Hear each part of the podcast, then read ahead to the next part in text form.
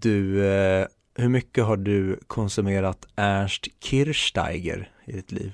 Inte alls mycket. Jag kollar inte så mycket på analog tv längre. Jaha, nej okej. Men du kanske kollat honom någonting på Play då? Eh, nej. Du har ingen, har du sett någonting med honom någon gång? Ja, säkert. Någon gång. Man har sett någon Mm. klipp. Jag vet ju vem det är. Jag vet ju hur han pratar. Jag har nog aldrig tidigare sett någonting med honom. Kanske, jag för mig att han var väl typ julvärd för några år sedan. Det känns ändå som en säker gissning. Men utöver det kan jag inte komma ihåg att jag sett någonting med honom tidigare förrän för en stund sedan när min kära sambo satte på tvn och det var på ett program där han renoverade torp. Mm. Mysigt ändå. Och jag måste säga det att det är ju en för jävla mysig gubbe. Är inte han lite av en eh, sexsymbol? Jo, det var lite det jag ville komma till, för jag, jag känner ju till Ernsts rykte, men jag har ju inte känt till Ernst i form av att jag har konsumerat honom själv. Okej. Men dels så är han ju jättelång och jag måste säga att han har ju som Filip Hammar skulle sagt, han har ju en riktig storkuksaura. Ja, men han väl händig med händerna också? ja, det med. Och sen, kän, sen känns han ju som, han känns ju verkligen som en man som tar hand om en. Ja, men som eh, kör på säkerhetskortet. Det kommer jag ihåg, jag har en kompis som berättar om en kollega som dejtar otroligt mycket. Som eh, sa att han kör inte på det klassiska att han ska vara rolig. Han kör på att personer ska, ska känna sig säkra med honom. Så han kör på säkerhetskortet. Är det samma som trygghetskortet eller? Ja, jo exakt, ja, jag tänker det. Man måste känna att den här, den här personen kommer ta hand om mig. Ja, den, den känslan fick jag ju verkligen av Ernst. Och jag kan ju verkligen tänka mig att många kvinnor faller för den. För att det känns också som att han inte har en aning, eller så är det bara hans persona som framställs som att han inte har en aning om hur attraktiv han är. Mm. Och då kanske det blir ännu mer attraktivt att han känns som för många kvinnor då att hmm, den här snubben kanske jag kan göra ett kap på för han vet inte vilket kap han är. Men jag kan tänka mig att bakom den här tv-personen så finns det en lömsk Ernst som säkert, som också Filip Hammar hade sagt, han knullar runt utav bara satan. Ja men det är väl en klassisk, alltså särexempel med Martin Timell som man trodde var världens snällaste, trevligaste människa. Mm. Eftersom man har sett han i det där hemma snickeriprogrammet. Han verkar jättemysig. Och sen, ja, bakom kulisserna, var det inte riktigt så. Nej, där var det grab by the pussy etc. med flera. Ja, men det finns ju en komiker som heter Albin Olsson som gjorde någon, någon prank innan också. Och då är ju tydligen båda Timell-brorsorna Han skämtade om någonting på Twitter, då båda Timell-brorsorna har ju ringt till honom och typ så här verkligen hotat honom. Och då det är väl den i specialisterna. Ja, exakt. Då, där märkte man ju verkligen så här, okej, han kanske inte är så skön. Och det var ju innan hela metoo-härvan. Jag älskar den. eh, För alla er som inte har eh, hört den, gå in och sök på specialisterna, typ det räcker med Martin Timell tror jag, på YouTube. Det finns en del ett och två och det är en extremt rolig följetong. Vilka länkar i beskrivningen? Tycker jag absolut vi gör. Ska vi köra igång? Ja, nog om Ernst, nog om Timell. Nu eh, snickrar vi på vårt eget avsnitt tycker jag. Pão bom.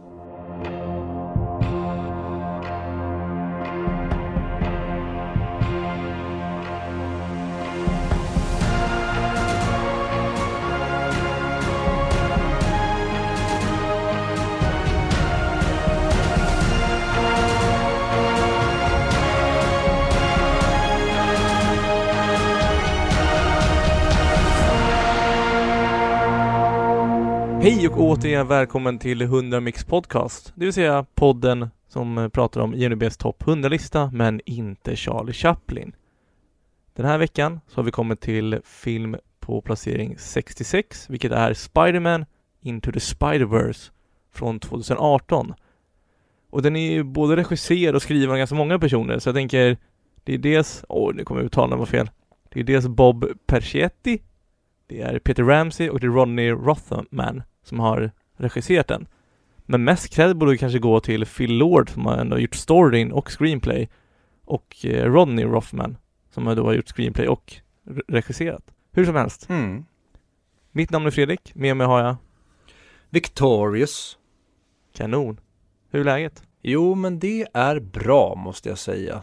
Det, ja, jag vet inte riktigt vad jag ska landa in i. Men eh, du och jag såg ju Garden State igår och den lämnar ju i alla fall mig med en väldigt härlig och mysig känsla i bröstet. Ja, den är ju otroligt vacker film. Den eh, rekommenderar alla att se egentligen. Det var första gången du såg den eller? Jag trodde att jag hade sett den, men eh, tydligen var det inte så. Så ja, då blev det första gången jag såg den. Mm. Garden State. Åh, magisk. Hur mår du? Jag, jag mår bra, som vanligt. Det rullar på. Men däremot, får jag, innan vi, för jag antar att du har lite roliga saker att berätta och prata om idag. Innan vi gör det, får vi köra min, eh, vem, vem kan det vara? Eller vilken kan det vara blir det till och med? Vilken kan det vara? Det var ju intressant. Vilken film kan det vara? Jaha, du, du fortsätter på filmspåret? Ja, jag kände att det var, blev film idag igen. All right. Så får du byta, bryta av nästa gång tänker jag, så vi går över till skådespelare. Mm. Är du redo för det? Kör hårt. Vilken kan det vara? 10 poäng. Den här filmen kom någon gång under andra millenniet. Den har inte vunnit något pris och den är inte med på topp 100-listan. Det handlar om en huvudkaraktär som lämnar ett hektiskt liv bakom sig tills hen börjar se kryptiska siffror i huvudet. Han dras återigen in i ett urgammalt krig och en han bestämmer egentligen vad som händer i filmen. Börja se siffror sa du? Ja, kryptiska siffror. Dras... Vad sa du? Kryptiska siffror. Kryptiska siffror börjar s... dras in i ett uråldrigt krig. Och en hand bestämmer vad som händer, sa Nej, du det? Nej, en hamn. En hamn, okej. Ska vi gå vidare på åtta poäng eller vill du? Nej, ge mig några sekunder. Intressant. Där hade jag ju, när du pratade om kryptiska siffror och det, jag var först lite inne på Matrix, men det kommer jag inte gissa, så att, eh, kör åtta poäng. Mm, okej. Och det var, den, är, den har ju även inte, den kom ju 1999, så att den är ändå inte på 2000-talet heller. Nej, tyvärr. Åtta poäng i vilken kan det vara? Det är en sorts alien som kommer till jorden för en andra gång. Vissa är snälla, vissa är inte. Ledaren vill vara optimal och heroisk. Det handlar egentligen om några som har ramlat och vill hämnas igen. Men det brukar inte vara så med den andra filmen i en eh, trilogi. Eller i en franchise. Lyssnar man noga så kan man se linkar mellan den här och eh, Parker. Jag trodde vi skulle lägga den här filmen bakom oss. Och jag tog upp den för ofta, men eh, jag gissar på, Vad va fan, ja, ja. Jag läser klart så får du se sen hur, hur du tog den så snabbt. Skitsamma. Sex poäng. En gul bil har senare brutit sig loss från den här filmen och skapat sitt eget. Från den mänskliga sidan så får vi följa två unga, Sam och Michaela. Filmen, eller ja, framförallt franchisen, har ett otroligt soundtrack som, för, som höjer filmens episka scener minst två poäng. Fyra poäng. I, s- Ja, förlåt. I stand by my guess. Då kör vi fyra poäng. Huvudkaraktärerna spelas av inga mindre än Shia LaBeouf, Megan Fox och bland annat Josh Duhamel. Heter han så? Regissören Josh. älskar bomber och explosioner, vilka han verkligen visar upp i denna film. Det är robot-aliens som slåss på jorden om någon nyckel som finns i Shias huvud för att sedan kunna öppna någon sorts grej som finns i en pyramid. Jag har ingenting till med, men den är jävligt ball. Två poäng.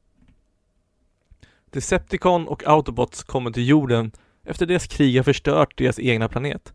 Marker Bay försöker skingra detta episka slag som har kommit till jorden. Den andra filmen är en ursprungstrilogi och kanske inte den bästa men eh, krigar igenom den för trean. Då blir det åka av. Och jag gissade ju då, vad sa du? Det här blir ju mer som reklam för filmen än faktiskt ledtrådar. Ja, den, eh, men det var som du sa, jag tog den ju på optimal. Ja, det var det. Ja, Jag var lite nervös på den. Men eh, Transformers 2 var det ju. Och du gissade på det. Revenge of the Mm. Fallen. den bästa filmen som gjorts enligt mig. Ja, fan jag skulle inte ha med optimal. Men jag kan snabbt gå igenom. Eh, Han vill inte vara med i kriget, det är därför han lämnar det, sen kommer tillbaka och jag, han börjar se kryptiska siffror i huvudet som ska ge ledtrådar eller någonting sånt där. En hamn bestämmer vad som händer i filmen, ja men det är ju Michael Bay som har regisserat en Bay-hamn. Eh, Bay, det är väl en bukt? ja. Ja, det kanske inte är riktigt hamn, men jag vill göra det lite svårare, att inte göra specifikt exakt. eh, ja, de har ramlat vid Hämnas igen, den fattar man ju. Just det, lyssnar man noga kan man se linkar mellan den här och parker. Det är för Linkin Park har gjort jättemycket. Och det är ju lite ordspel där, lyssnar man noga kan man se linkar. Ja, svår men bra tycker jag. Om gul bil är ju Bumblebee. Eh, då, karaktären heter ju Sam och Michaela. Och ja, vi har ju pratat tidigare om det otroliga soundtracket, bland, bland annat eh, Autobots heter ju en av låtarna, den andra kommer jag inte ihåg vad den heter. Arrival to Earth tror jag. Svinbra. Och Michael Bay är, gillar explosioner och allting sånt där. Resten av ledtrådarna tror jag, tror jag man förstår när man vet filmen. Så de behöver inte gå igenom. Ja, och till ditt försvar så hade vi ju haft dålig kommunikation kring när vi skulle spela in. Så att du trodde ju att vi skulle spela in dagen efter. Mm. Och sen när jag sa att jag var redo vid den tiden vi hade bestämt så var inte du med på det. Så därför så fick du ordna en sån här liten quiz lite snabbt. Mm.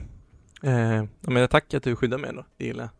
Så du inte bara hänger ut mig där framför bussen. Så att eh, begin the hunt for Fredrik on internet, my fellow listeners. Det är säkert någon som inte tog den ens på fyra poäng. Som inte har sett Oj, filmen. dum. nu har jag precis gjort så att du har ryggen fri och då går du och dumförklarar våra lyssnare. Nej, en lyssnare, inte, inte resten. Resten tror jag tog de 10 poäng, för de är lite bättre än vad vi är tror jag. Okej, skitsamma. Nog om det här. Nu går vi vidare. Ja, jag har, som jag säkert redan nämnt i något tidigare avsnitt, jag har börjat kolla på Scrubs igen. För Mm. övrigt briljant vad den har åldrats. Den är jätte, jätte, jättebra fortfarande. Och jag hoppas att från de säsongerna när de går över till Disney och den blir lite mer PK och safe, att även de säsongerna har åldrats bra. Så att man kan kika på samtliga säsonger och inte bara lägga av vid typ säsong 5.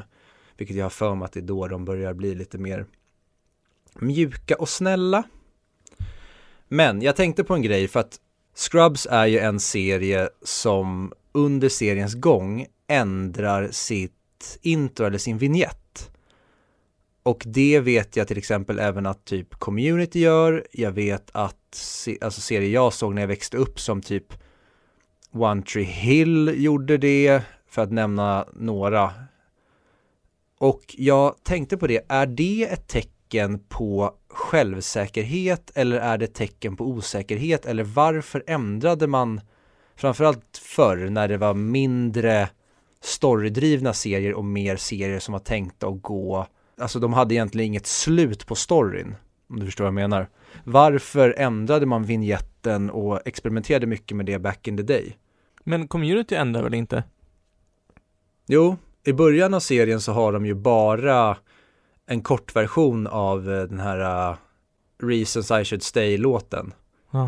Att det bara blir som ett, eh, det står bara directed eller created by Dan Harmon och sen så börjar det och så har du typ slutplingen på låten.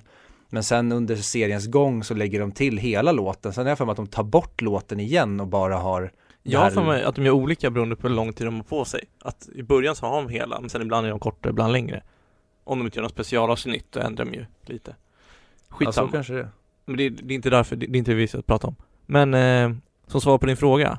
Alltså jag tror att det är För du tänker antingen det är osäkerhet om de känner vi måste testa någonting nytt, våra ratings börjar bli sämre och sämre. Eller så är det, ja men nu, har vi, nu, nu går det ju bra, men ska vi fräscha till det här?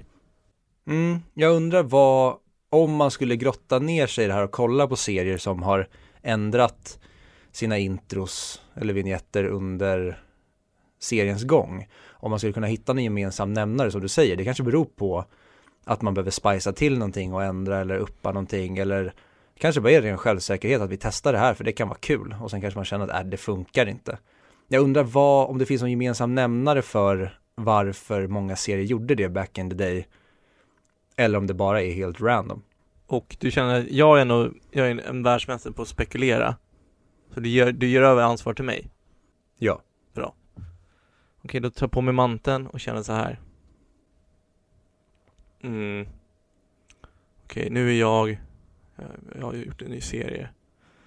Jag ska, okej, komma in i manusförfattarrummet. Säger till dig. Viktor, ska, ska vi göra ett nytt intro? Vad svarar du då? Varför? Varför ska vi göra det Fredrik? Känns jätteonödigt. Och då säger jag Men kolla, ja Alltså, så, så här, jag, tänker, jag tänker på vänner och sådana serier som har ett visst intro per säsong. Så då är introt anpassat till säsongen. Men det är samma grundidé. Det är ju snyggt. Mm. Men annars, alltså det kan ju Jag ser tre anledningar till att ändra annars ett, Nummer ett är typ en copyright-grej, att de inte får ha kvar någonting eller att de måste ändra. Två är att Som vi sa innan, att de bara känner att Okej, okay, nu har vi kommit in i Nu har vi hållit på i fem år. Nu, nu vill vi uppdatera det här och göra något snyggare och bättre. Eller nummer tre, att ja men första säsongen var pilotaktigt. Nu, nu kör vi igång och det, det riktigt ordentliga. Så här var det, så här var det tänkt från början, nu har vi budget att göra det och allting. Mm, jag tycker alla låter rimliga. Det, jag ska nog ta och grotta lite här och kolla på varför det kan vara så. Så kommer det säkert sluta med att jag står där utan något svar ändå, att ingen annan eh, ens, alltså det är bara, det finns ingen egentligen connection med varför olika serier gör det, utan det råkar bara vara att de gör det av olika anledningar. Perhaps. Ja, exakt. Att alla har en egen orsak. Vissa för de är fega, vissa för de är modiga och allting. Så ja, Precis. det känns ju rimligt ändå. Ja, så det var i alla fall ett embryo till någonting jag sådde nu och så kanske vi kan återkomma till det i ett senare avsnitt när man kanske har kollat lite mer på det. Men det känns ju som att någon av våra lyssnare bör ha koll på det här. Som mm. gärna kan kommentera det på Instagram. Och läxa upp oss. Ja. Vi lovar inte någon... blocka din feed. Nej men alla får ju en chans. Om man sätter oss på plats så får man en, då får man gult kort. Men gör man det igen, då får man rött kort och så blockar vi feeden. Mm, men det här räknas inte som att sätta oss på plats väl? Det här är ändå vi som frågar. Det spelar ingen roll. Okej. Okay. Jag är stenhård. Ingen får säga att jag har fel. Känns ju tryggt att vi har gått från att skriv, det är bara kul när du skriver, till skriv inte till oss. vi hatar det. Skriv inte ett ord. Jag blir lättkränkta som fan. Ni kan skriva till mig privat annars, så kan jag säga att det var min idé. Gör det. Så slipper jag bli arg. Så kan Fredrik ta upp det i avsnittet så blir jag arg on air. Ja, jag, jag tar smällen. Jag blir, jag blir som Jesus egentligen. Jag tar ja. alla synder och tar på mig dem själv. Ja, du är ju återigen han som äter svampen. Ja. Svampätaren kallas jag för. Mm. Och jag kommer, som jag alltid är, vara Judas. Eh, ja men då så, då har vi klart av det då. Eller vi har sått embryot och kommit med idéer. Mm. Och en annan grej har ju hänt som gör mig väldigt, väldigt, väldigt, väldigt ledsen. Nämligen att de har skjutit upp Christopher Nolans Tenet på obestämd tid. Mm. Ja, det är fruktansvärt tycker jag. Då det är min favoritregissör av alla. Mm. Jag vill ju se en göra den här filmen. Nej, det är faktiskt svintråkigt och jag, nu, jag vet ju både du och jag har ju varit och sett Nolan-filmer på bio nu för att hypa upp oss inför en biopremiär som redan hade blivit uppskjuten. Den skulle ju redan haft premiär nu när vi befinner oss i slutet på juli. Men så blev den ju uppskjuten till augusti men nu så drog de bort den helt på bestämd tid och så får vi se när den blir satt. Ja, men ja, de gör ju det bara för att kunna tjäna mer pengar på själva lanseringen. För utgifterna är väl fasta, de har inga mer utgifter nu. Det är bara Nej, att de precis. vill, de vill kunna få så mycket pengar som möjligt för det. Det är väl därför typ mm. många filmer väntar tills till exempel efter jul släppa filmerna eller innan jul där. Det är väl mm. då flest går på bio tänker jag. Ja, tänk hur många filmer det ligger på lager som skulle kommit nu under coronaperioden som sen kommer launchas. Vi kommer ju få överflöd av nya feta biofilmer. Ja, jag hoppas det. Det hade varit jävligt kul. Jag tänkte ju det när, eh, nya Bond-filmen No time to die, när de tog bort den och sköt upp den tills i höst. För de skulle Ja. ha haft premiär i april tror jag. Då tänkte jag, de är ju dumma i huvudet. Det finns ju inte en chans, alltså varför skjuter de upp den så lång tid för? Men eh, Chi fick jag. Ja men de vill ju skjuta upp den tills, för bion finns ju öppen nu men då får, måste man ju sitta på tredje säte typ. Så det är Mm. jättemycket platser som försvinner. Jag läste nu att även när de har plockat bort massa säten så är inte filmerna fullsatta. Så att det går ju väldigt dåligt för biograferna nu. Men jag tror att det mest beror på att de inte har några nya filmer att visa. Ja. Ja, det tror jag också. För vi i Sverige verkar ju skit, vi har ju släppt corona för länge sedan. Det finns ju inte ett spår av att det pågår en pandemi i världen fortfarande i det här jävla landet. Eh, Alltså jag håller inte med där. Jag ser många som går runt med ansiktsmasker och handskar och håller avstånd. Ja, jag tycker tvärtom, att man ser en enstaka ha munskydd ibland, men stora majoriteten går hur tätt som helst i affären, folk sätter sig ja, men Ja, bredvid sant. varandra på tunnelbanan och det känns bara som att lever ni i förnekelse eller tror ni att vi är ute ur ut ur elden? Man vet inte. Nej, alltså jag hoppas ju bara på att de som gör sånt, att de glömmer bort. Inte att de slarvar med det. Ja, Mm. kanske samma sak, men du förstår vad jag menar, att det inte så att de gör det med flit och tänker det här är skitkul, utan det är ju väldigt lätt att glömma bort det. Det är en pandemi tycker jag själv. Jo, Men, och jag ja. tror man, man, eller man har ju ställt sig den frågan och man även ställt en fråga till andra. Hur tror ni att vi kommer göra när det här är över? Kommer vi återgå till hur det var förr med att skaka hand och krama varandra eller kommer vi att lära oss av det här? Jag tror ju tyvärr att vi är så jävla dumma och glömska och vill lägga saker bakom oss snabbt att vi kommer väldigt snabbt gå tillbaka till hur det var förr.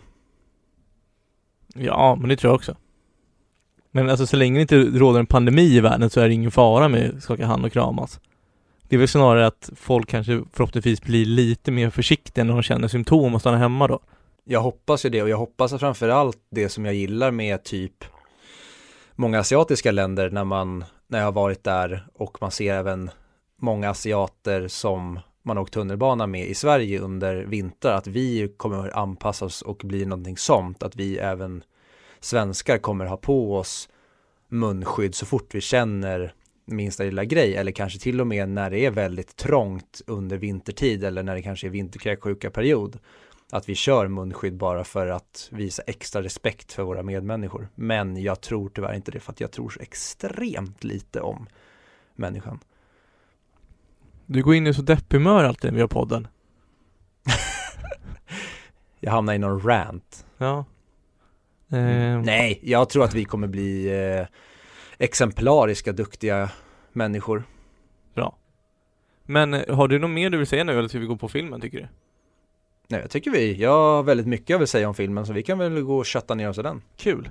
Men då kör vi.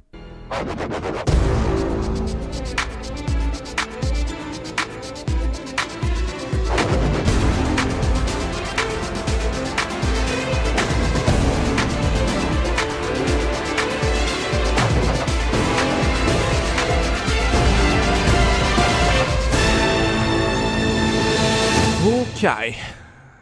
Då var vi framme vid filmen som är Spider-Man Into the Spider-Verse som kom ut för bara två år sedan, 2018. Eh, men den är väl främst gjord av eh, Phil Lord och Rodney Rothman. Men jag antar att Peter Ramsey och Bob Percetti också har gjort sin belagda del i skapandet av den här filmen. Och Chris Miller får vi inte heller glömma. Var, har han skrivit serietidningen eller?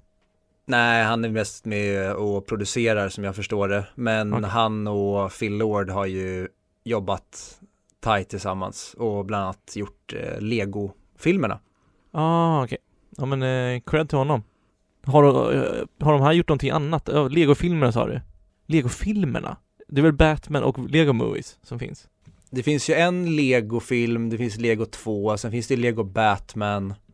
Sen finns det säkert flera som de har gjort spin-offs på, men jag vet att de i alla fall är inblandade i Lego 1 och 2. Sen tror jag även de är med och gör eh, Lego Batman. Har du sett någon av dem? Jag har sett Lego-filmen, men inte Lego Batman. Du borde verkligen se Lego Batman. Den är väldigt rolig och tar en väldigt, som de behandlar Batman i Lego-filmen gör de en hel film om. fast i ja, Batmans universum. Så det är en, en av de bästa Batman-filmerna skulle jag säga. Ja, okej, okay. men då så. Och då, då är det Nolan Batman-filmerna som de tävlar med. Ja. Så det säger mycket. Men både du och jag hade ju sett den här filmen innan. Mm. Eh, men vill du prata någonting om förväntningar? Alltså dels första gången och dels den här gången kanske? Ja, första gången jag såg den så var det egentligen så att jag var trött, extremt trött på hela superhjältegenren. Vi hade fått eh, Amazing Spiderman, vi hade fått Amazing Spiderman 2, sen tror jag, ja vi hade fått, vad heter den, Spiderman Homecoming i samma veva om det var året innan. Så jag var extremt trött på Spiderman också, även fast jag ska säga det att det är min favoritsuperhjälte. Det är den superhjälten jag vuxit upp med och sett, ja men Spiderman the Animated Series på tv när jag växte upp. Så jag är jättestort fan av Spiderman, men även trots det så var jag väldigt trött på Spiderman när den här skulle komma. Och jag kände inte alls för att se en animerad version där de skulle introducera en ny Spiderman istället för Peter Parker. För Peter Parker kommer alltid vara Spiderman för mig oavsett vad de sätter för person i kostymen.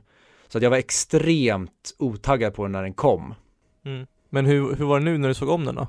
Det får vi vänta med, men jag, eh, jag vet ju, jag har sett den här filmen ett par gånger efter det och jag visste ju egentligen vad jag skulle få för jag har sett den hyfsat nyligen igen så att mina förväntningar var väl, ja men de var väl höga. Och dina? Jag, jag, eh, jag, jag tyckte att det verkligen var en intressant film första gången jag såg någonting om den här. Eh, cool animerad, verkar som i trailern och allting sånt där. Så jag väl hade väl mediokra förväntningar. Både den och den här gången. Sen blev jag ju överraskad, ska jag säga, när jag såg att den var med på topp 100-listan. Mm, det blev jag också, för att jag hade ingen aning om att den hade så här högt betyg. Det är kanske någonting som vi även ska säga nu när vi även pratar om varje film, för det vet att vi aldrig har gjort. Kanske ska säga vilket betyg den har varje gång så att folk har koll på det. Ja, men den, ja, jo kanske. 8,3 är väl snittet, alltså, eller är väl gränsen till 100. Mm. Så jag, gissningen är den 8,4 eller 8,5. Den har 8,4. 8,4. Vi har inte kommit över 8,5 gränsen. Nej. No. Men jag tänker att sånt ändras också ganska mycket, alltså decimalerna. Så det är väl kanske mm. inte eh, Skitsamma. Vad, eh, vad tyckte du om den? Jag älskar den här filmen så otroligt, otroligt mycket. Jag tycker att det är efter Spiderman 2 tycker jag att det är den bästa Spiderman-filmen. Eventuellt om jag skulle se om Spiderman 2 så skulle det här kunna vara den bästa Spiderman-filmen. Men jag tycker jätte, jättemycket om den här filmen och vi kommer kunna knyta an till det med filmen som vi såg förra veckan som var animerad på ett sätt som jag inte tyckte passade filmens berättande så tycker jag att det är helt tvärtom med den här. Jag älskar taken de gör på den här filmen och gör en straight up, alltså en serietidning i rörligt format. Mm. Vad tyckte du? Eller vad tycker du? Jag, jag tycker också den är bra. Men jag vet inte hur bra jag tycker den är. Du verkar tycka att den är otroligt bra. Jag vet inte om jag är på otroligt än. Men jävligt bra tycker jag den är. Det är under otroligt. Mm. Men vad har du för relation till Spiderman i övrigt och vad tycker du om du tar alla Spiderman-filmer som har kommit på 2000-talet? Men jag tycker ju Spiderman också, som du säger, är bland de ballaste superhjältarna. Men det är väl också för att han är lite så här käftig och han är lite ung. Det är väl därför att jag tycker att Tom Holland nog gör Spiderman bäst av alla. Förutom att hans Peter Parker kanske är lite för cool mot vad Peter Parker är egentligen, vad jag fattar det som. Men just det här, alltså första gången han är med i eh, Civil War, Avengers, så gör han det så otroligt bra. När han kommer in och bara åh, oh, coolt, du har metal arm. Och håller på sådär. Just, ja, väldigt cool. Att, att den här Spiderman i Spiderverse, originalet, han som, ja, han som dör i början, det är väl ingen spoiler att han dör i början. Jo, det kanske är oavsett. Skitsamma. Se filmen. Eh, att han, han känns lite likadan. Mm.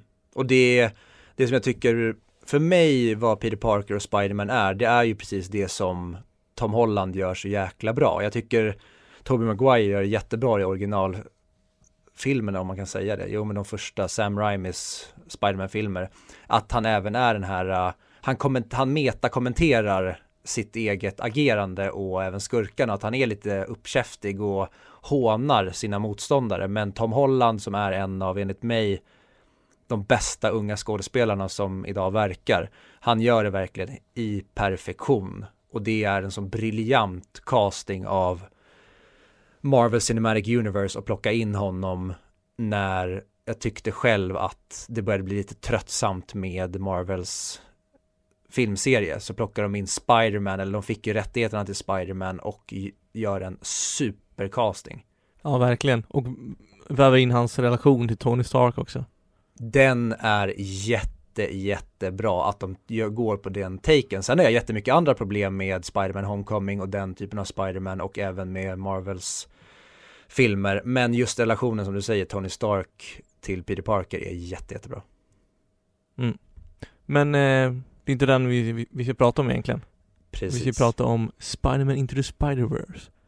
Jag kommer inte ihåg nu, och det här borde man ha kollat upp, men som sagt, olika tider, jag trodde vi skulle spela in imorgon.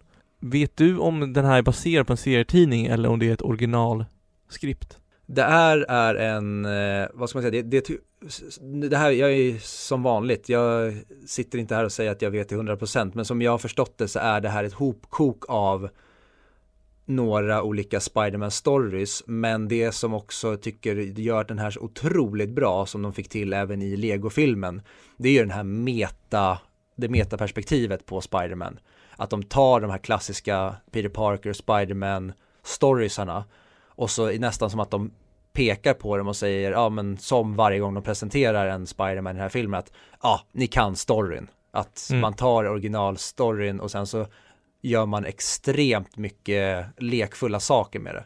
Men jag tror att det är man har tagit koncept från olika Spiderman stories och så har man gjort någonting helt nytt med det. Ja, för, för alla, alla Spidermans finns vet jag. Alla de olika som kommer i samma värld. Förresten, ska vi gå igenom handlingen kanske snabbt? Ja, alltså premissen för det hela är egentligen att man får se, eller man får följa Miles Morales som är en uh, ung kille i eh, New York och han då blir som klassika, klassiska Spiderman-storyn, han blir biten av en radioaktiv spindel, stöter ihop med Spiderman, Spiderman blir dödad, spoiler alert, av Kingpin och sen så får Miles Morales en eh, typ USB-nyckel som han då ska se till att både axla manteln som Spiderman men även se till att ställa saker till rätta i form av att det var en portal till andra universum som öppnades och eh, satte världen ur spel. Mm. Jag gillar också designen på Kingpin. Ja, och det är så comic book i allting och det är det jag tror jag faller för så jäkla mycket att de går verkligen hardcore alltså comic book stil på hela den här grejen och sen så tar man sig friheter och utvecklar det med det här rörliga mediet som man har när man kan göra animationerna ännu ballare och just metaperspektivet. Man pratar om nästan att det är en comic book för att det blir så otroligt mycket comic book on the nose. Men det älskar jag med det här. Ja, ja, jag håller med. Och det här som du säger, hela metaperspektivet, ja, hur de bygger upp allting. Ja, jag, jag tror också det är underbart.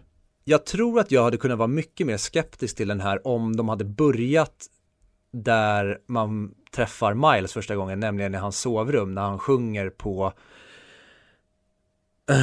den här, jag vet inte varför, men Sunflower-låten och jag tycker, det kommer jag återkomma till, jag tycker att musiken i det här är den sämsta delen med filmen, men jag förstår även varför med den typen av musik, men vi kommer återkomma till det.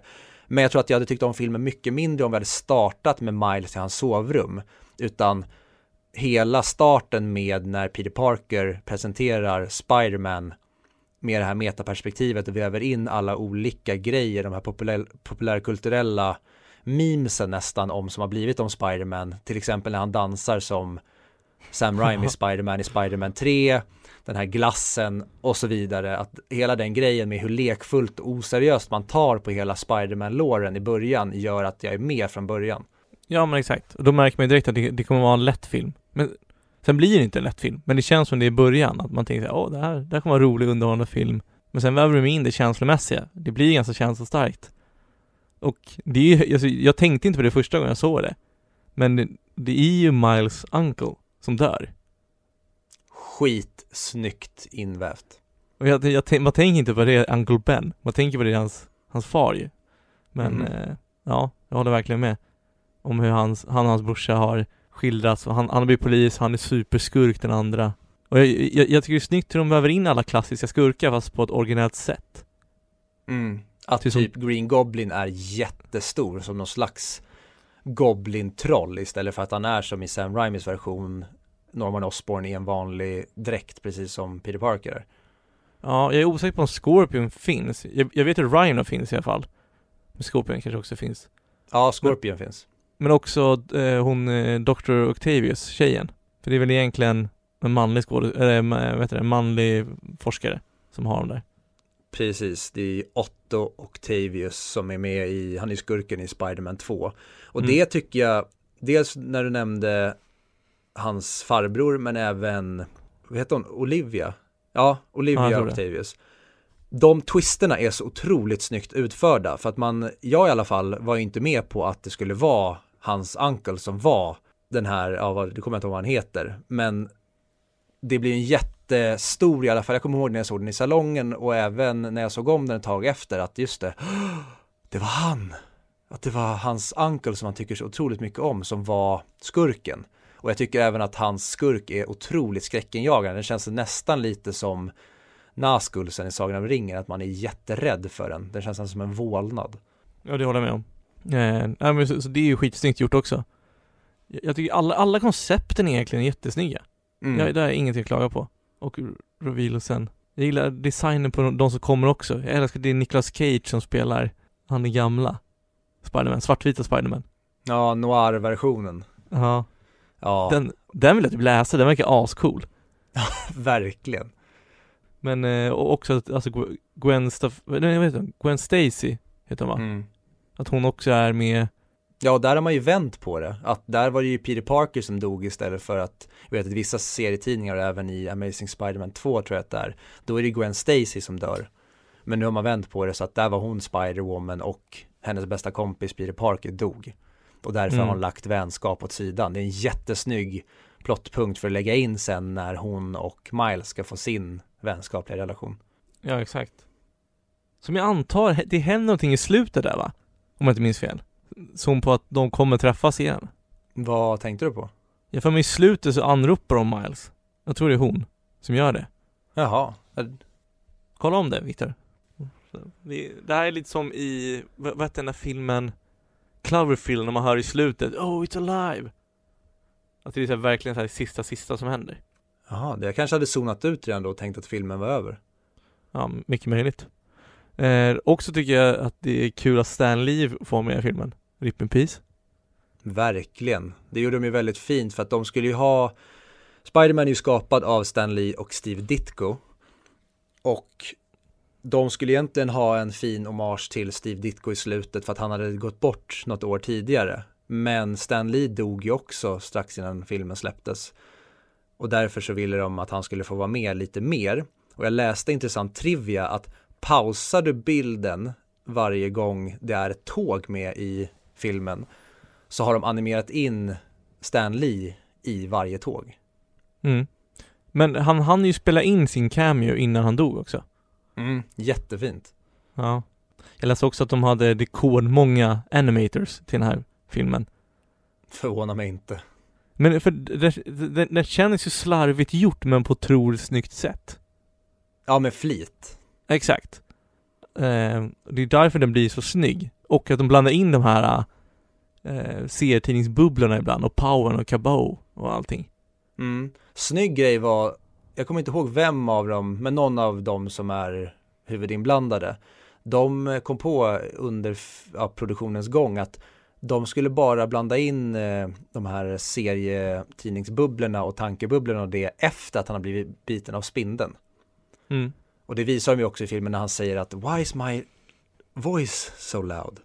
Ja, det är nästan lite Deadpool-varning där. Att han, eh, Mm. han, han får, får som Deadpool. Och det tycker jag är kul, för det vet jag inte om det är meningen, men som den grejen med Deadpool, att det blir väldigt meta, att han nästan kommenterar allting med en väldigt oseriös ton. Men jag gillar också aspekten att när de plockar in alla de här olika Spiderman så känns det nästan lite Avengers. Och det gör de ju också skämt om att vi är Spiderman gang eller vad de säger. Ja, Spider gang. och sen älskar jag att hon, Aunt Mary Jane, nej, jo, så heter hon väl? Att hon är, Nej, Aunt Jävlar. May. Aunt May ja. Hon är ju väldigt ball. Ja, jag gillar att de gör henne till, och där är också en grej, att det är en flört, det känns som en flört till Batman med den här Spider-caven. Ja, Och där har de ju gjort Aunt May som typ Alfred the Butler. som kicks ass. Mm. Eh, har du någon annan favoritscen eller favoritdialog i filmen? Hmm, alltså jag gillar ju typ allt med den här. Det, men jag, egentligen, den är så gorgeous att titta på.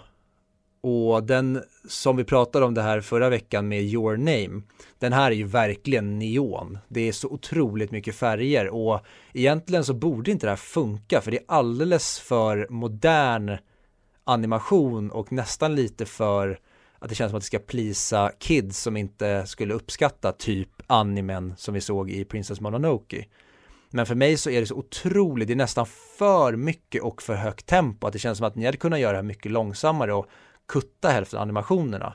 Men de bara slänger på mer och mer och mer, det blir mer innovativt och de tar det längre och längre och längre. Som bara den här grejen med när det blir den här glitchen och det byggs som små konstverk i stan. Så kommenterar de det som att, ja, ah, jag tror att det är Banksy.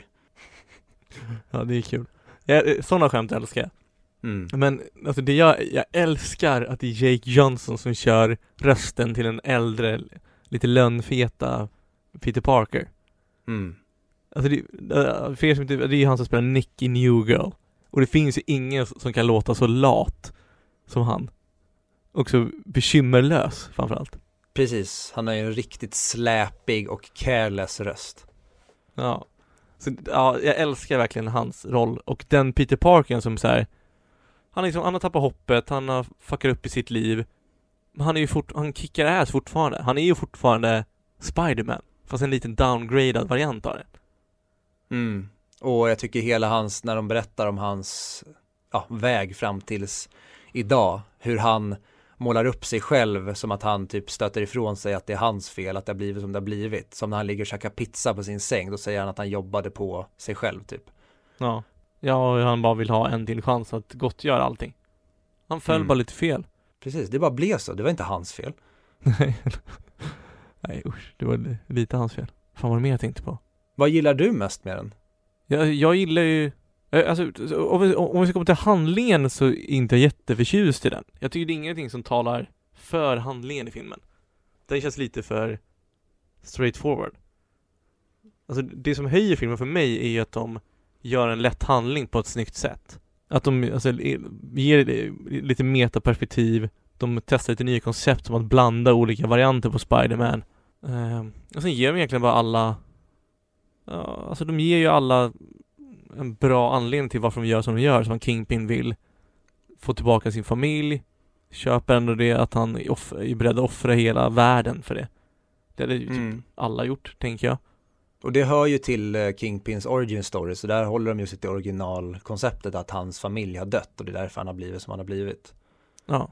Så jag vet inte, alltså jag tycker det här var en film som, den, den satt inte kvar hos mig. Men den var väldigt underhållande att se på. Det är verkligen så jag känner om den. Älskar designen på hans Spiderman-dräkt dock. Ja, jag tycker egentligen allt i den här är, de kunde inte gjort det snyggare. Jag tycker ju att typ eh, manga, eller vad man ska säga, manga-versionen av Spiderman, hon den här tjejen med roboten, den tycker jag ju är så jäkla ointressant och jag tycker den är ganska tråkig att ha med. Men den fyller ju en sån bra funktion.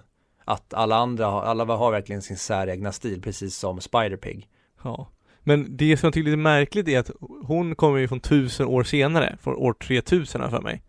Mm. Men ändå verkar hon sämst av alla. Det känns som hennes robot borde ju kunna spöa skiten ur all, allting. Ja, egentligen. Det är tusen år i framtiden, alltså om man räknar på hur fort teknologin utvecklas och sånt där. Ja, det, filmen har ju lätt att falla om man börjar stoppa in den logiken. Ja, men mycket kan jag ändå förlåta, typ som att Alltså i vanliga fall så slåss Spiderman ensam mot de här tre skurkarna som kommer in i huset, men nu är det ju sex stycken Spiderman som slåss mot dem och de typ förlorar. De Mm. borde ju spöa skiten ur dem där egentligen. Men sånt kan jag ändå förlåta, men jag tycker ändå att hon Jag tycker filmen hade varit coolare om hon, eller om det var någon av dem som var riktigt overpowered men inte brydde sig. Lite Dr. Manhattan. Till som hon. Att hon var egentligen Mm. overpowered men, men det var motivationen som gjorde att hon inte spörde skiten alla hur lätt som helst. Ja, det hade absolut kunnat funkat. Att eh, hon är en bortskämd unge kanske med en robot. Som inte orkar med de väl säger till. Okej då, så spöar han skiten ur Green Goblin. Mm. Men om vi eh, kanske är klara med just den delen med det här med animationen och storyn och det. Jag tycker att relationerna i den här gör dem jättefint. Jag känner till exempel för eh, Slusk Peter Parker när han träffar Mary Jane där. Och hans del med att han vill tillbaka till henne och, och får det en chans, alltså få en chans till. Det hade de till och med kunnat spela ännu mer på tycker jag. Att han kanske vaknar upp under resans gång och känner att för att först tar ju han på sig att jag ska stanna kvar när alla andra ska hoppa genom portalen. Att han kanske ändrar sig under resans gång och när jag ska tillbaka och ge, visa Mary Jane att jag ska kunna bli en bra far. Och jag tycker att de funkar, det funkar verkligen superbra som du nämnde tidigare med Miles och hans pappas relation. Den här stränga klassiska pappan som säger nej men det är bara att kämpa och hårt och man får pusha lite och sen så visar det sig att han gör bara det för att han ser otroligt mycket potential i honom. Och så har vi den förlåtande mamman som är tvärtom att nej men låt honom få space, då märker vi att han inte mår bra och så vidare. Den delen tycker jag är klassisk och funkar svinbra. Mm, jag håller med. Relationerna är jättefina. Man känner ju verkligen för dem varje gång någonting händer. Ja, och jag gillar nästan filmen mest från där vi startar med Miles och man får se hela hans introduktion, när han även hänger med Uncle Aaron när de när han kommer hem till honom med hans bachelor pad och de drar ut och graffar. Det tycker jag är en svinnice grej innan själva äventyret startar. Mm. Och hur de visar testet att, att han fick en noll av noll. Men för att få noll av no- noll så behöver man kunna alla svaren så egentligen fick en full pott. Mm. Eller ja, noll av hundra menar jag såklart. Jättebra. Och jag gillar när han kommer för sent till lektionen och hon säger att han är sen och säger men sa inte Einstein att tiden är relativ? Så blir läraren typ ägd och sur och bara, ska du sätta dig eller? Det blev ju tyst bara. Ingen Mm. skrattade. Och fin introduktion där, för det, jag såg den med eh, min kära sambo hon sa ju det att eh, ja, typiskt att de ska sätta sig bredvid varandra. Så här, men om du någon gång måste förlåta sådana grejer som att de som inom citationstecken ska bli kära i varandra, nu blev de ju inte det, men som man tror ska bli kära i varandra, att man ska förlåta att de hamnar i bänkarna bredvid varandra, då är det för fan i en sån här comic book movie. Men det är väl film generellt? Men alltså det är samma sak som man tänker så här Alltså om det är en krigsfilm och så här, åh vad sjukt att han överlever allting det där Men hur rolig hade filmen varit om han dog efter ett skott? Eller varför Ja. man presentera henne om de inte sätter sig bredvid varandra och blir kära? Men det är ju inte så innovativt tänker jag, men i just en sån här film så känner man att men det behöver inte vara innovativt, vi ska bara ha kul. Ja, nej Tvärtom, de- det får gärna vara extra lökigt och typiska klassiska filmtropes i en sån här typ av film. Ja, men det var ganska lätt alltså Det behö- ja, det beror på hur man ser på det, för hon är ju också ny Det kanske var de två platserna som fanns lediga, för man fyllde väl ut det från ett hörn till ett annat Alltså det, hade varit lika lökigt om man satt sig någon annanstans och hon hade behövt vända sig om för de skulle ha ögonkontakt Säkert. Tänker jag Det var bara en grej jag tänkte på. Jag kritiserar hårt direkt Jag attackerar Men när vi ändå är inne på det, vad, har du någon generell kritik? Är det någonting som du tycker att filmen gör fel eller någonting som du känner att nej men det här flyger inte eller det här drar ner den eller något sånt? Jag vet inte exakt vad det är som, som talar emot mig till den här. Men om det i så, i, i, alltså i så fall är att den är för ytligt enkel i, alltså i storylinen. Om det är det som gör mig kritisk till den. För jag, jag tycker fortfarande den är bra, men jag tycker inte att det är ett mästerverk. Nej, Och då- nej det är väl eftersom du tycker om Princess Mononoke så mycket för att ta ett närliggande exempel. Där du just pratar om det den här äh, gråskalan och just med att den får ta lite tid på sig, att den kanske inte är crowd pleasing, men det här är ju motsatsen till det. Det här är ju en popkulturell blockbuster-grej och en crowd pleaser som ska funka för hela familjen oavsett om du är fyra år eller 55 och då måste man kanske göra den så här ytlig. Men jag hajar ju precis vad du menar. Ja, det, alltså exakt, för jag, jag tänkte på Prince Monoke också Jag tror jag behöver lite det där Att, att det ska vara lite djupare handling i det Sen så nådde inte Princess Mononoke hela vägen i den heller Men mer åt det hållet skulle jag säga du måste, okej. Så gillar jag, och du måste kolla om det där att eh, hon Gwen Stacy hör av sig i slutet. Ja, det får jag faktiskt ta och göra. Och det är kul att den här ska ju få en uppföljare och det känner ju jag som vanligtvis. Det här är en film som inte borde funka för mig, för den är på tok för crowd pleasing och för, vad ska man säga, den är alldeles för popkulturellt modern för att det ska egentligen funka för mig. Men jag har en sån jävla rolig ride varje gång jag ser den och den är så otroligt görsnygg att titta på att det gör mig ingenting. Men du, du nämnde innan att du inte gillar Sunflower låten. Kan du Mm. elaborera på det? Där är jag extremt gubbig. Jag har ju väldigt svårt för mycket modern musik och den här filmen har ju bara modern musik. Och det är det som jag tycker är det sämsta med filmen. När de använder gamla klassiska rapplåtar och poplåtar som när de typ eh, graffar. När han gör sin eh, expectations-vägg. Det tycker jag är asfett när man använder bra gamla poplåtar, eller poplåtar, hiphoplåtar. Men när man använder typ en låt som Sunflower som jag bara tycker, ja, ja det är en, en härlig liten, eh, vad ska man säga, en, en härlig liten dänga men inget mer än så. Även de andra låtarna som är skrivna till filmen, typ när han blir Spiderman och axlar ansvaret så är det någon låt som, ja, där jag redan glömt den. Men de delarna, jag har så svårt för den typen av modern musik för jag tycker att den är så himla o...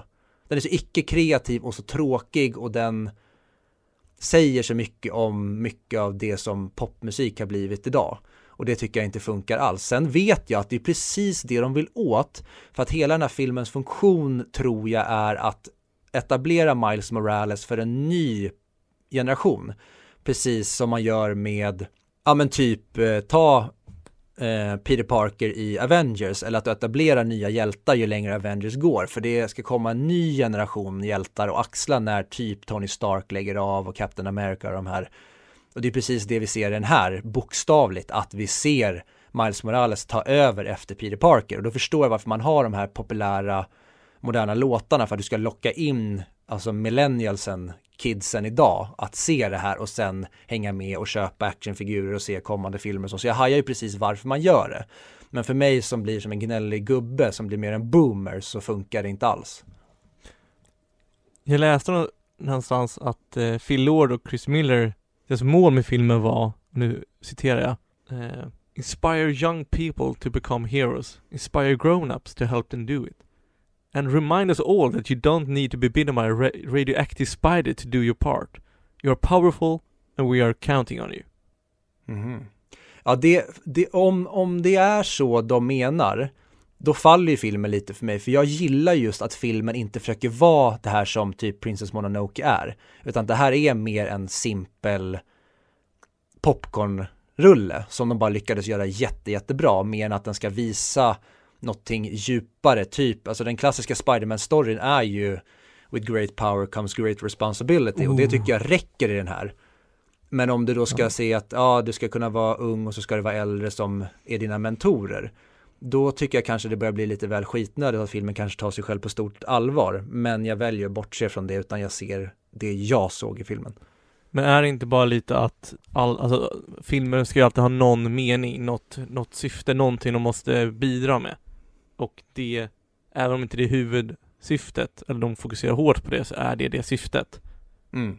För jag, jag, jag läste också att där när de stormar deras, deras, eh, vad heter det, vetenskapslabb, så kastar de en bagel på någon, och då står det texten 'bagel' när de slår, när de, eh, alltså i, i, i, istället för den här pow, den här pow, Mm. symbolen som kommer upp, så kommer det upp bagel. Och det, var- det var tydligen från början så var det mer som ett skämt. Men eh, de älskade det för mycket, så de lät det vara kvar i animationen. Mm. Jättebra också. Och det jag menar, men man gör ju inte sånt om det ska vara seriös inspirationsfilm. Då hade man inte låtit det vara kvar. Så meningen är ju att den ska vara underhållande först och främst. Och sen tror jag att det här är en biprodukt. Mm, absolut. Och det finns ju där i storyn väldigt tydligt, men det är ingenting att ta med mig att så här, hmm, när jag blir 40 då ska jag inspirera unga kids och axla ansvar för att jag såg eh, Spider-Man Into the Spider-Verse. Det är kanske inte det de menar heller. Men som du säger att när de har den här väldigt oseriösa meta, nästan göra narr av hela Spider-Man-fenomenet, då blir det verkligen ingenting som jag sitter och tänker på. Och en annan grej som jag tycker också, som jag tycker humorn är briljant i den här filmen, till exempel när de är på taket och ska in på den här, uh, ja men vad säger man, hyllningsmiddagen för Spiderman, eller för Peter Parker. och de är på taket och så bara ser de att alla är, har Spiderman-masker, så bara, det kan inte vara så här enkelt. Jo, det var precis så enkelt. De bara kliver ner som sig själva i sina Spiderman-dräkter. Och det är också kul för att, nej det är inte så enkelt för att ni ser inte ut som de andra Spiderman-servitörerna här. Men det är ingen som tänker på det ändå för att ni ser ut som Spiderman men alternativa versioner. Så att det blir ändå en slags, man slänger logiken ut genom fönstret. Ja, ja jag håller med om. Men jag vill, jag vill återgå till eh, musiken. För jag kommer ihåg när eh, jag pluggade i Göteborg och bodde med en kompis där då. När Sunflower kom ut, som vi lyssnade sönder på innan filmen kom. Mm. Vilket jag fortfarande tycker alltså, är en bra låt. Så jag är helt, jag gillar att den är med i videon. För jag, jag såg den videon massa gånger där de klipper in äh, frekvenser från För i musikvideon till Sunflower har man med olika scener från filmen. Mm. Som, jag hade ju sett den massa gånger så jag visste ju animationsstilen till det var skitsnygg. Men sen Alltså, sen finns det ju folk som, som kritiserar att, att gilla Post Malone till exempel, att, att han är för mainstream. Jag gillar inte när man ogillar någon bara för att andra gillar den. Jag har aldrig mm. förstått det konceptet. Nej, alltså, nej, absolut. Jag tycker det är skittöntigt att du baserar din åsikt på vad andra tycker istället för att skapa en bild själv. Exakt. Så alltså därav är det, men eh, sen kan jag köpa att jag köper om man inte gillar mainstream-låtar för att de, låtarna låter mainstream i det meningen att de bara ska vara catchy och komma ut till massan. Mm. Men jag köper inte när man inte gillar mainstream på grund av att det är mainstream. Nej. Förstår du skillnaden? Precis, absolut. Och det, jag håller verkligen med om det. Och det är det, jag gillar ju inte den här, jag gillar inte den här musiken just för att jag inte tycker att den är speciellt kreativ, jag tycker inte att den är speciellt originell, precis som jag inte tycker att det mesta som görs idag är. Men jag förstår ju fortfarande också varför, ja men gillar man den typen av musik, fine. Men jag är ju inte heller ett fan av Post Malone, så att jag eh, är ju inte målgruppen från början. Hade jag varit ett fan av Post Malone så hade jag kanske tyckt att, ja ah, men nice, ny Post Malone-låt och den är till Spiderman och det är en ny Spiderman-film och så ser man hur man säljer, alltså man säljer in folk på mm. filmen mm. så. Men eftersom jag inte tycker om Post Malone så blir det tvärtom, eller jag tycker inte, inte om honom, det är bara att jag har, när jag försökt lyssna på honom så har det verkligen inte varit min typ av musik. Nej, och så är det, exakt som i filmer. Mm. Förutom i Charlie Chaplin, så, om man ogillar Charlie Chaplin, då, då jävlar. Det är inte okej. Men resten ja. får du ogilla eller tycka om hur, hur mycket du vill. Så länge man inte går och propagerar om det till andra utan att ha några konkreta exempel på förbättringsmöjligheter. Som ja. när, vi hade, när vi hade våra, när vi läste en och tre stjärnor på EMDB. Som mm. de bara sa, den här filmen var dålig. Ja, men varför? Alltså, vad kan man göra bättre? Nej, verkligen. Men eh, nej, äh, jätte, jag tycker jätte, jättemycket om den här filmen verkligen och musiken den gör mig egentligen inte så mycket. Det är bara det, det jag egentligen har att klaga på. Så att jag får väl vara min lilla boomer-gubbe i den här, i det här avsnittet helt enkelt. Inte du alltid det?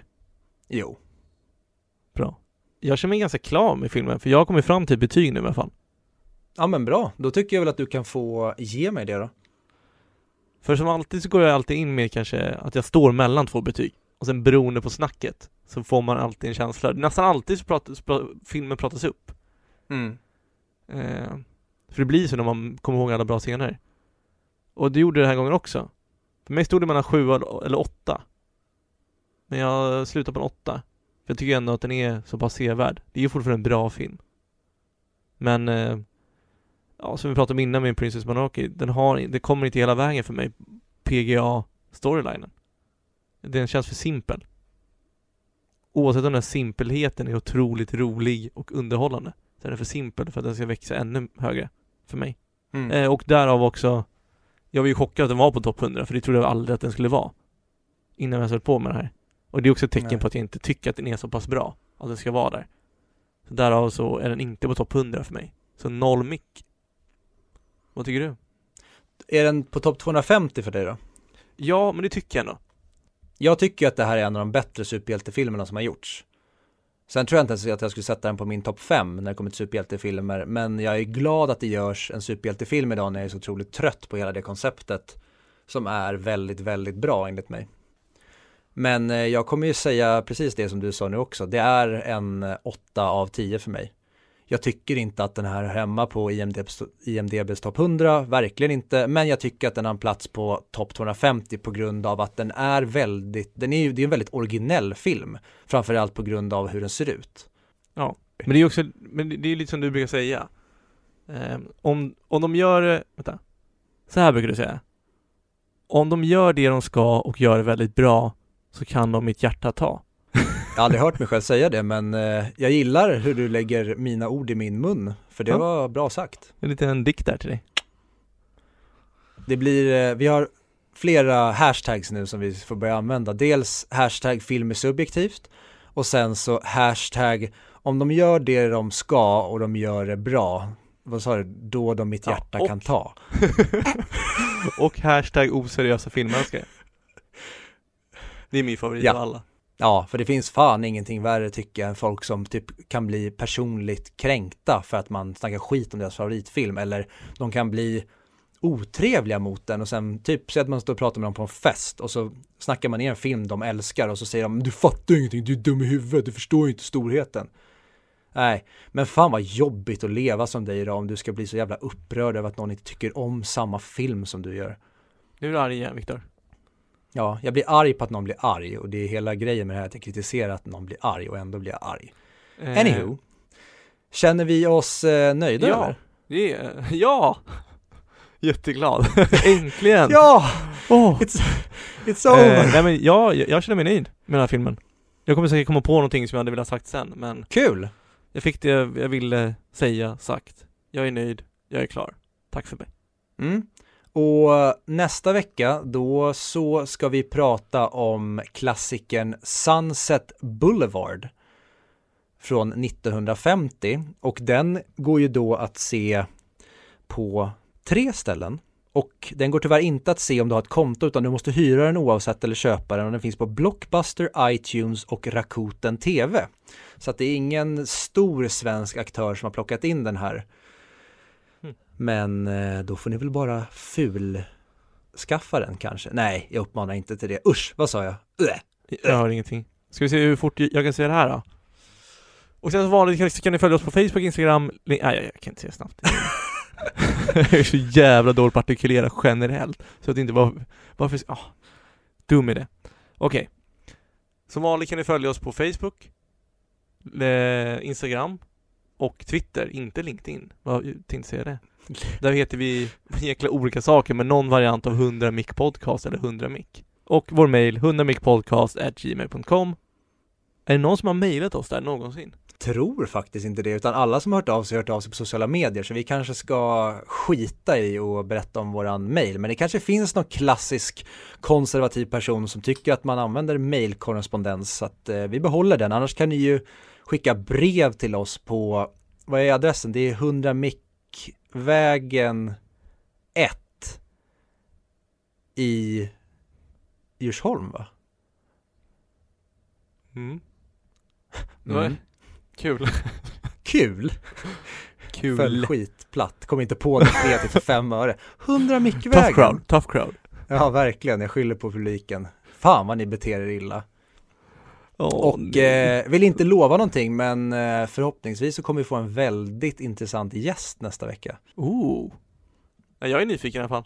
Ja, Mm? men jag får väl bara vänta till nästa vecka antar jag. Jajamän. Bra. Bra.